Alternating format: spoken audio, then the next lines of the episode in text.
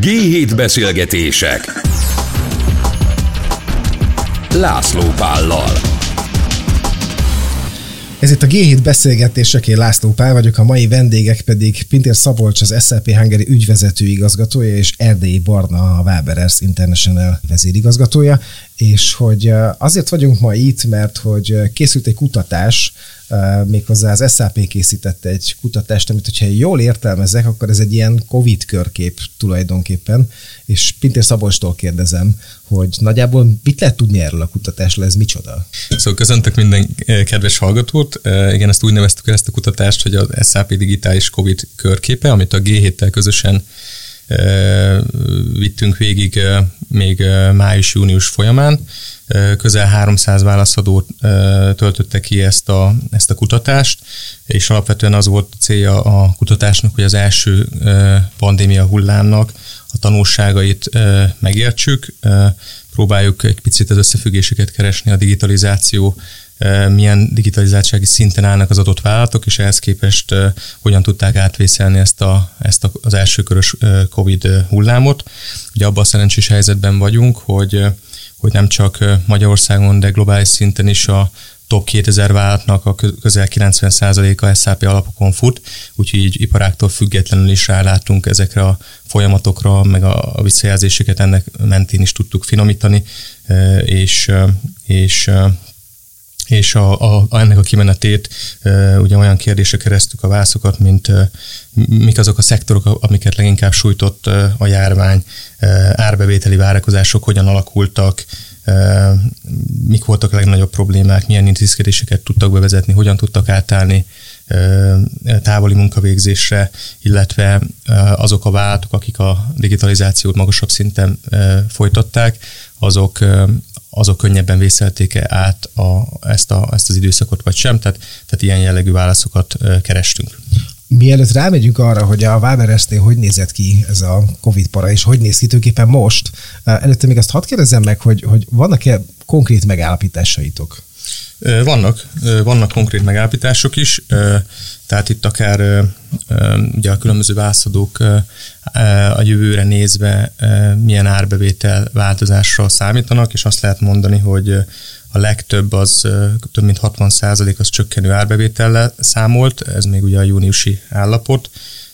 Volt azért egy 10 os válaszadói válaszadó, aki, aki alapvetően növekedésről számolt be, ami azt gondolom, hogy, hogy az is látszik, hogy egy válságos helyzetben is lehetnek nyertesek a, a, a iparáktól függetlenül.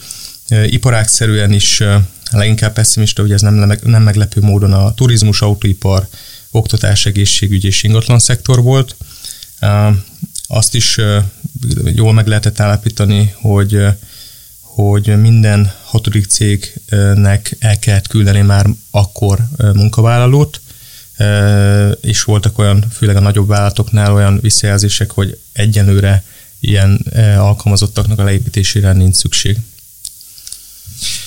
Ha jól látom a számokat, akkor a Waberersnél az idei második negyedévben 33,1%-kal, vagyis 115,5 millió euróra csökkent a, a bevétel. Nem volt nehéz kimatekozni, hogy egy olyan cég, ami alapvetően szállítmányozással foglalkozik, mennyire súlyosan érintett egy ilyen válságban.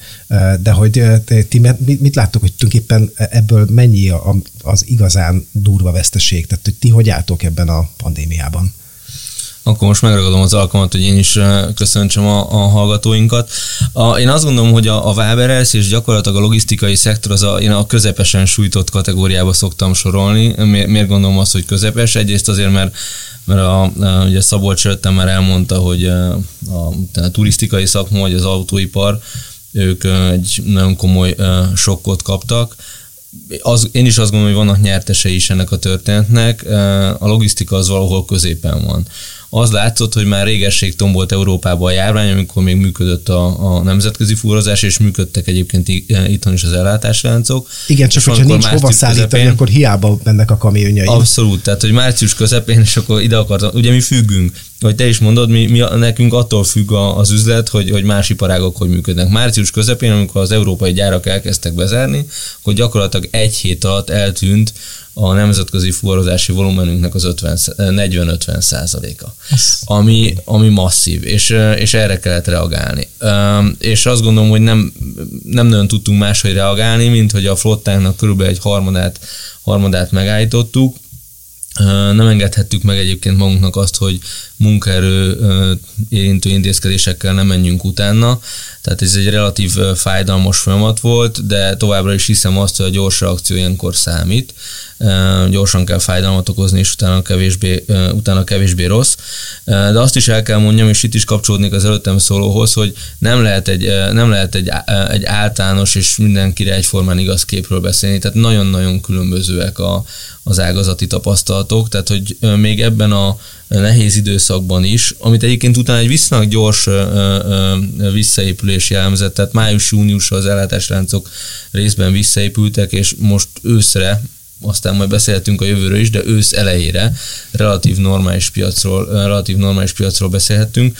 Szóval visszatérve az ágazati különbségekre, az látszott, hogy míg egy autóipar az nagyon komoly nehézségbe került márciusban, és egyébként egész nyár végéig nem épült vissza normális szintre a megrendelési volumen, addig bizonyos elektronikai gyártók, vagy tévégyártással, hűtőszekrénygyártással foglalkozó, foglalkozó gyárak, azok nem hogy visszaépültek, hanem igazából meg sem érezték ezt az egészet, sőt, jobb a piacuk, mint, jobb a piacuk, mint volt, és az is látszott, hogy, hogy Magyarországon, hogy ne csak a, egy ilyen nemzetközi kitekintésről beszéljek, hanem Magyarországról, ott az látszott, hogy elején kifejezetten hajtotta a piacot a mondjuk úgy, hogy a tartalékolási pánik. Ezt, ezt mondanám március-áprilisra, utána volt egy kis visszaesés, nyilván mindenki, hogy egy ilyen nem buta példát hozzak, mindenki megett a, a mélyhűtőből a, a betartalékolt Hát, vagy elfogyott a WC papír. Vagy elfogyott a WC papír, vagy a liszt, és, és utána az látszott, hogy nyáron egy új normalizált volumen alakult ki a piacon, ami valamivel a tavalyi szint alatt volt.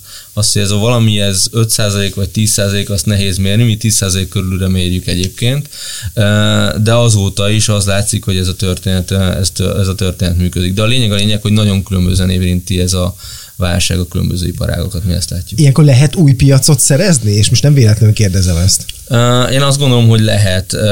Tehát, hogy ahogy elmondtam, vannak nem csak olyan, nem csak olyan iparágak vannak, ahol drámai visszaesés van, hanem van, ahol, van, ahol szinten tudták tartani a volumeneket, és van, ahol nőtt, és akik szinten tudták tartani, meg ahol nőtt a volumen, ott az a kérdés, hogy az ember hogyan pozícionálja saját magát. Ugye nagyon sok fuvaros cég, logisztikai cég került nehéz helyzetbe, praktikusan sokszor már létező volumeneket se tudtak kiszolgálni, tehát egyrészt az ő helyükre be lehetett lépni, másrészt a növekvő volumeneket abban a kevés iparágban, ahol volt, azokat el lehetett hozni.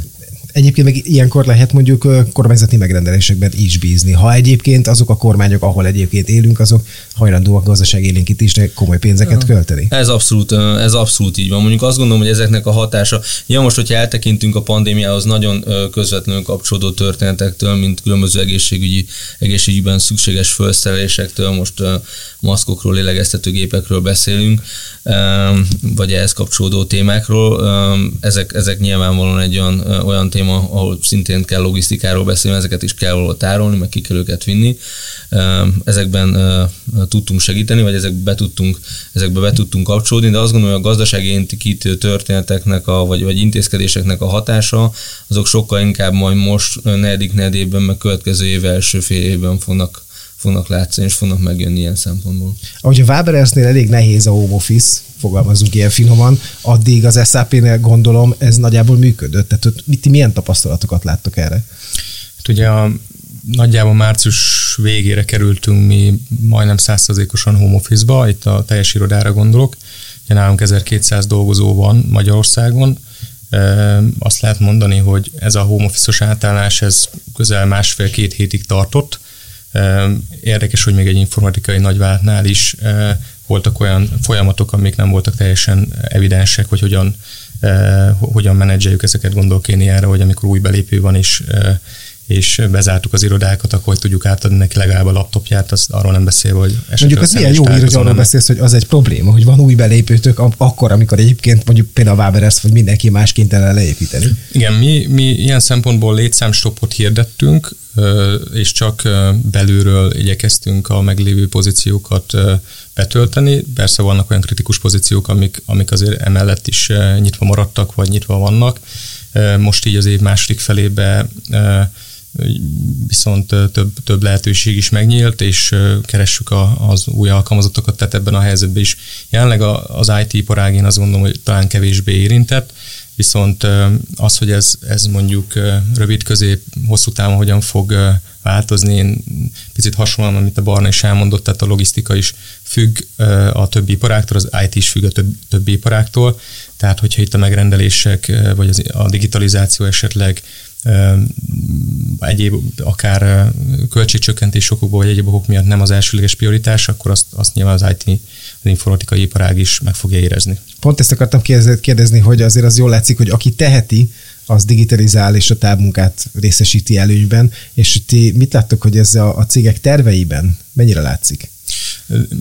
Én azt tudom mondani, hogy Magyarországon az, el, az elmúlt három-negyed évről beszélünk, ugye az idei évben, végül is február-március óta kezdődött el ez a pandémiás helyzet.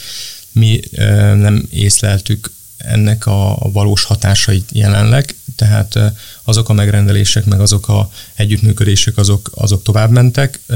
Azért azt kell tudni, hogy mi nagyváltokkal működünk együtt, és, és a, a nagyváltoknak is valószínűleg a reakciója persze iparág függően, de, de nem volt annyira hirtelen, mint, mint, mint mondjuk a kisebb váltoknál. Úgyhogy jelenleg az első három év az, az ilyen szempontból nagyon nagy differencia nem volt, viszont én azt gondolom, hogy itt a, az utolsó negyed év, illetve jövő év lesz a nagy kérdés, hiszen azok a tehát ebben a helyzetben, amikor online tudunk csak beszélgetni, vagy a zömében nincsenek személyes találkozók, nincsenek konferenciák, tehát gyakorlatilag az a jellegű tárgyalás, amit, amit a mindennapokban évtizedek óta személyesen teszünk, ezek ha elmaradnak, akkor vajon milyen hatással lesz ez a jövő évre. Úgyhogy ebből a szempontból én, én nem vagyok pessimista, viszont nyitott szemekkel nézem, hogy ennek a hatásait, amit most esetleg üzletet nem találunk meg, vagy nem tudunk annyit egyeztetni, akkor ennek milyen hatásai lesznek a jövőben. hát mennyire kell átalakítani azt a menetet, amíg idá, amiben idáig minden cég tulajdonképpen gondolkodott. Tehát, hogy azt gondolom, hogy, hogy ez a pandémia pont azt mutatta meg, hogy ha, ha nem nyitunk mindenféle egyéb dolog felé, akkor egyszer csak pont egy ilyen esemény teljesen nullára húzhat mindenkinek minden számítását. Tehát hogy ezzel, ezzel gondolom érdemes számolni. És hogy pont azt kérdezem, hogy a Waberersnél, ahol ugye, mint többször megállapítottuk, a home office viszonylag nehéz, de ettől függetlenül azért csak kell gondolkodni abban, hogy hogyan lehet alkalmazkodni ahhoz, hogyha mondjuk ez a pandémia, ha nem is tart el sokáig, de esetleg előfordulhatnak még ilyen körei az emberiségnek a következő 10-20-30 évben. Abszolút. Hát azért az, azt lehet mondani, hogy nálunk is vegyes a kép, tehát uh, nyilván a, a, a járművezetőinket nem tudjuk home office-ra kérni, hát. vagy küldeni. Uh, mert, sőt, A7, B7 is elég nehezen sőt, elképzelhető. Így van, tehát hogy náluk ezek az ilyen bevált, meg, meg mindenhol olvasott tükrök, ezek nehezen működnek. Ők, ők, ők, ők abban a szűk, vagy nem is minden szempontból annyira szűk csoportba tartoznak, akik, akiknek akkor is helyet kell állni, amikor egyébként mindenki más bezárkozott otthonra. Nyilván az ő esetükben megpróbáltunk minden olyan védőfelszerelést biztosítani, ami, amire szükségük van, de azt is el kell mondjam, hogy még az ő esetükben is látszott egy nagyon-nagyon gyors alkalmazkodás, nem csak Waberers oldalról, hanem az ügyfél oldalról is. Tehát ugye azt, azt kell látni, hogy, hogy azért, ha kicsit máshogy nézzük, akkor ők azért alapvetően a kabinjukban vannak. Nyilván, amikor hosszan vezetnek, akkor tankolni kell, meg, meg, meg zuhanyozni kell, meg mosdót használni kell, de hogyha ettől eltekintünk, és ők, ők relatív hosszan a kabinjukban lehetnek, akkor nem feltétlen kellnek a fizikai érintkezések még a logisztikai központokban se. És ebből a szempontból egy nagyon gyors átalakulást láttunk. Tehát egyébként is törekedtünk már egy jó ide arra, hogy a fuvar dokumentáció az digitál, digitálissá váljon, ez gyakorlatilag most egyik hétre a másikra történt. Azok az ügyfelek is, akik korábban fizikai szállítólevelekhez ragaszkodtak, hirtelen jók voltak a, a fotókkal, meg a, meg a digitális, meg a digitális nyomtatványokkal, tehát ez egyébként kifejezetten, kifejezetten segített is.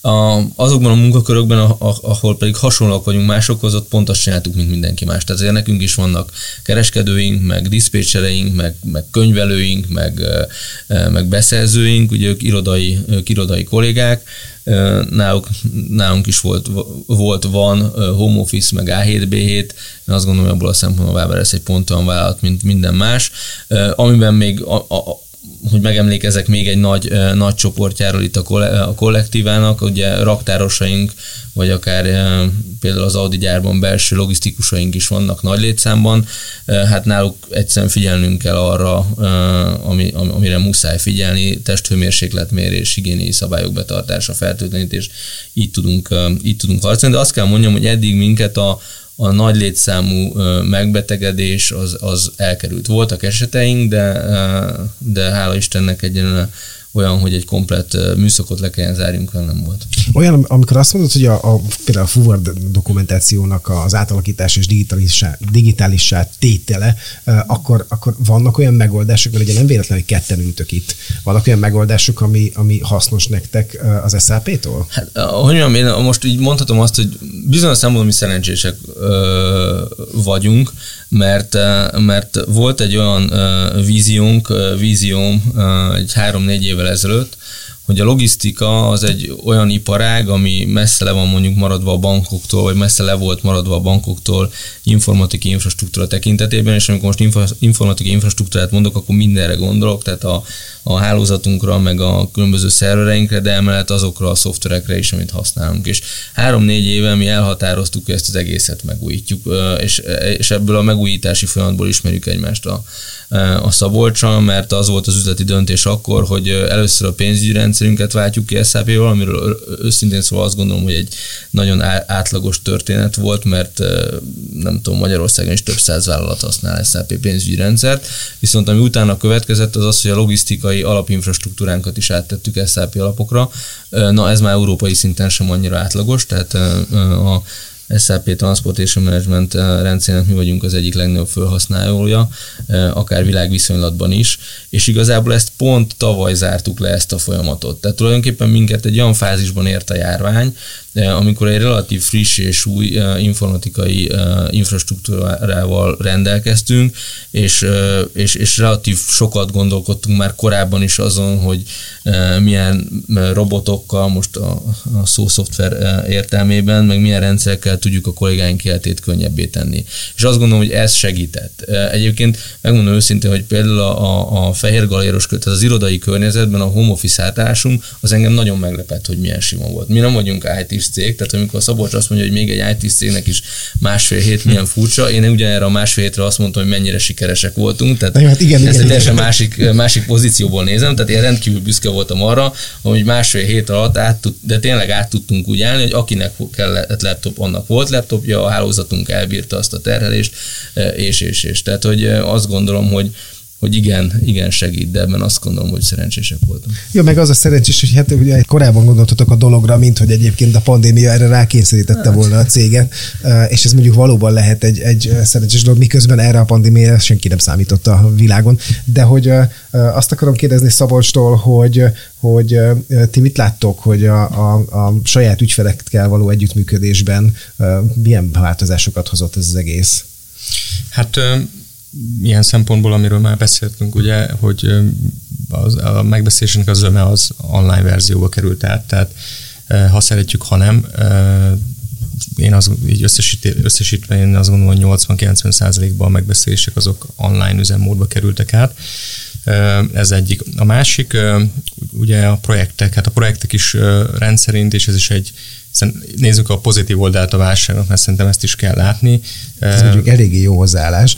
Én nem nagyon látok ilyet, de oké. Okay. A digitalizációnak, a, tehát azt, amit itt most, akár mint a Barna is elmondott, hogy digitális fuvardokumentáció, tehát hogy ez, ez ez, ez, ez egy technológiai lép, egy olyan technológiai ugrás, inkább nem is lépés, hogy, vagy akár az oktatásnak a digitalizációja, ami én azt gondolom, hogy egy, akár egy 5-10 évet is meg lehetett volna várni, mire megmerjük tesztelni ezt. Mire eljutunk ide. Mire, igen, mire eljutunk oda.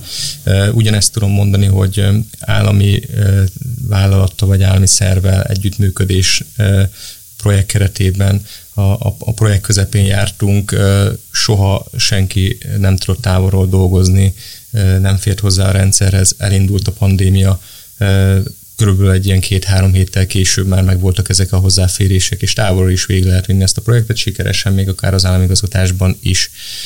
És közben azt tudjuk ugye, hogy az államigazgatásban hát nagyjából ki volt adva, hogy tilos. Hogy tilos, de... így Hát igen, ugye itt van egy másik oldal is, és amikor adott esetben multivállalattal dolgozik a, a, az állam vagy, a, vagy az adott vállalat, akkor, akkor nincs más lehetőség. Akkor sokszor igen, keressük persze a közös nevezőt, meg igyekszünk megfelelni mind a két oldalnak, de, de van, amikor meg kell találnunk a közös nevezőt, és nem csak az egy oldalú.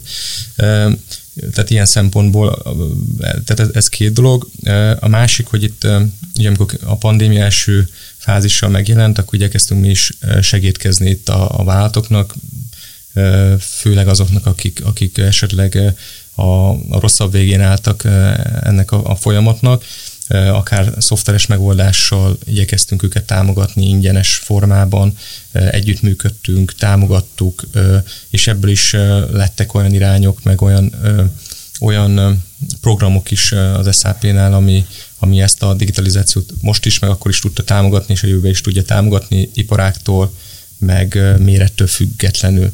Ugye ezek a jellegű együttműködések is én azt gondolom, hogy változtak, sokkal inkább egymásra vagyunk utalva, sokkal szívesebben kooperálnak az ügyfelek, akikkel eddig is nyilván jó viszony volt azokkal továbbra is, de, de voltak olyan ügyfelek, akik, akik azért is nyitottak, mert, mert mondok egy másik példát, mondjuk a felhőszolgáltatásoknak a jövőképe az, az mindig egy ilyen éppen ki melyik oldalon ül, függvényében mond át vagy bét, és ugye ebbe a, ebbe a helyzetben, amikor a ellátásláncok is egy pillanatnyira megálltak, vagy nem úgy mentek, akkor például a hardware infrastruktúra, vagy, vagy egyéb olyan logisztikai IT-s funkciók azok, azok leálltak, és itt a felül megoldások képbe kerültek, és sokkal nagyobb lett a nyitottság, hiszen ugye nyilván egy ilyen multivállalat az a skázhatóságot az már beépítette a modelljébe, és, és ki, tudta szolgálni az, ki tudtuk mi szolgálni az ügyfeleinket, és emiatt döntött adott esetben felhőszolgáltatás felé. És ez is azt gondolom, hogy a digitalizáció tovább segítés a, a jövőben, ez, ez egy, én azt gondolom, hogy kötelező, nem persze az én székemből ezt könnyű mondani, de, de azt is akár a kutatásra hivatkozva is mondhatjuk, hogy azok, akik digitalizáltak és egy magasabb szinten álltak a digitalizáltsági szinten, azok sokkal erőlébb járnak, és kevésbé sínylették meg ezt, a, ezt az első körös pandémiás helyzetet. Jó, hogy ezt mondod, hogy kevésbé sinlették meg, mert azon gondolkodtam, hogy így az utolsó negyedére a beszélgetésünknek um, de arra próbálok rávenni benneteket valahogy, hogy kicsit latolgassunk esélyt. Tehát abban a pillanatban, amikor rögzítjük ezt a beszélgetést, abban a pillanatban 4000 fölött van nagyjából a napi fertőzés szám Magyarországon, és 60-70 uh, ember uh, hal meg ebben a, a borzalmas betegségben. Uh, és az is látszik nagyon jól, hogy hát minden szám lefele tart. Tehát nem látok olyan gazdasági számot, ami egyébként pici bizakodást és okot adna. Hogy az a kérdés, hogy ti mit láttok, hogy nagyjából mekkora lehet a személyes, akár hogyha a ezt kérdezem, a személyes veszteségetek, mekkora lehet szerintetek, mit számoltok a, mondjuk a magyar gazdasági hatás, és mondjuk globálisan mit gondoltok, hogy, hogy mi következhet? Tehát egy teljes Armagendonra készüljek én, mint egyedi polgár és felhasználó, vagy van még némi esélyem, hogy megérjem, amíg a teljes bolygót elpusztítjuk egyébként, mert hogy nem lesz levegő, és nem lesz föld, és nem lesz víz azt, azt nem tudom, hogy személyesen mire készülj el, de, de azt, azt gondolom, hogy vannak dolgok, amik most már látszanak. Az egyik az, amit én nagyon viszonylag szilárd meggyőződésem, hogy, hogy fogalmunk sincs, hogy mi lesz a, a, a piacnak, meg, meg akár Európa, akár Magyarország gazdaságnak, gazdaságának az új normalizált szintje. Tehát ami most látszik, hogy, hogy volt egy első hullám, meg reméltük, hogy majd a második hullám az talán szeidebb lesz, szerintem hát nem tudjuk, hogy milyen lesz.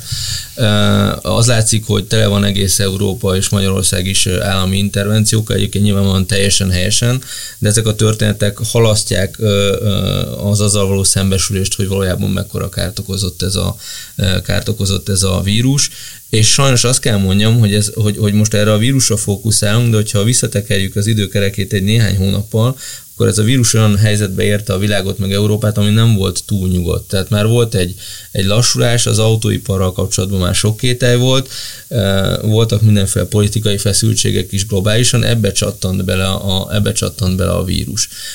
Vagy hogy egy kicsit közelbi történetről beszéljek, ugye Európa képtelen látszólag a Brexitet normálisan megoldani, amit lehet így Magyarországról alulbecsülni, de nagyon komoly hatásra lesz meggyőződésem szerint. Na most, hogy ezekből így együtt, vajon amikor már nincs állami intervenció, meg túl vagyunk majd az oltásokon, meg mindenen, mi az új normalizált volumene a piacnak, szerintem nem lehet meggondolni, az egyetlen, hogy most látszik, hogy, hogy annyi ellentétes, meg egy irányba ható ö, hatás is van, hogy szerintem nincs olyan kristálygömb, amiből ez, amiből ez kijön, de azt gondolom, hogy jelentős hatás. Amit de valahogy tervezni azért csak Igen, kell. és akkor itt térek vissza, hogy mi, mi azt látjuk, mi és, és mi azt mi, tehát egyrészt az özből nem érdemes kiindulni, mert ami földgyűlöm lett a második, meg a harmadik negyed évnek az első felében, eh, az most, az, most jelen van a, az most jelen van a piacon, tehát én azt gondolom, hogy ez az ősz ez jóval jobb, mint ami az új, új normalizáció szintje. A másik, amit mérünk, erre már, erre már kitértem talán eh, valamivel korábban is, hogy eh, mi kiszolgáljuk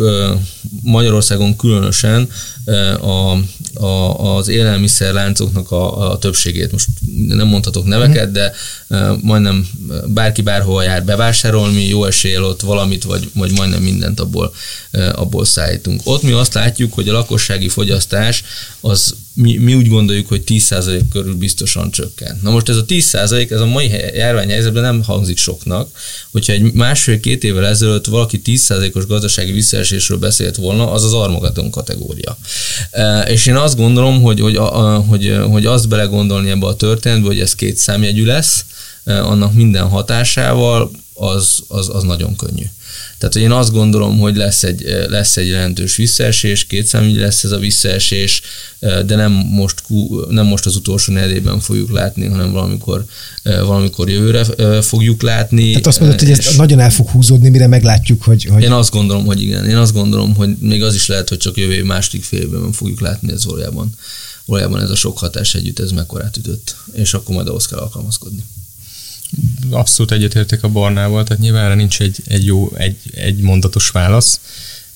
Én az időzítéshez, amit itt a végén, ahogy zárta a Barna sorait, tehát én, én ahogy említettem itt az előző beszélgetés, vagy előző kérdésnél is, tehát szerintem azt nem látjuk, hogy ennek a időbeli kihatása az, de mennyire vagyunk követőzem módba, és, és mikor lesz ez a, ez a követőzem mód egy reális, vagy egy valós, egy valóság. Tehát, és emellett mind a politikai helyzet, mind a, a, a akár egy euró árfolyam elmozdulása, ez, ez mind-mind komoly kihatása van, amit én szerintem még jelenleg nem látunk, és nem is akarjuk feltétlenül ma még látni. Ugye a, a pandémiának az első fázisa az olyan szempontból jó volt, hogy sokat tanultunk, ugye ott egy hét alatt bezártunk, mindenki bezárt az egész világ, ehhez képest most még nyitva van gyunk, nyitva van úgy félig meddig a, a világnak egy része, másik része már bezárt. Tehát szerintem ez, ez egy pozitív tehát a, tanulságok azok pozitívak, ezt, ezeket ebből szerintem mindenki tanult a világon.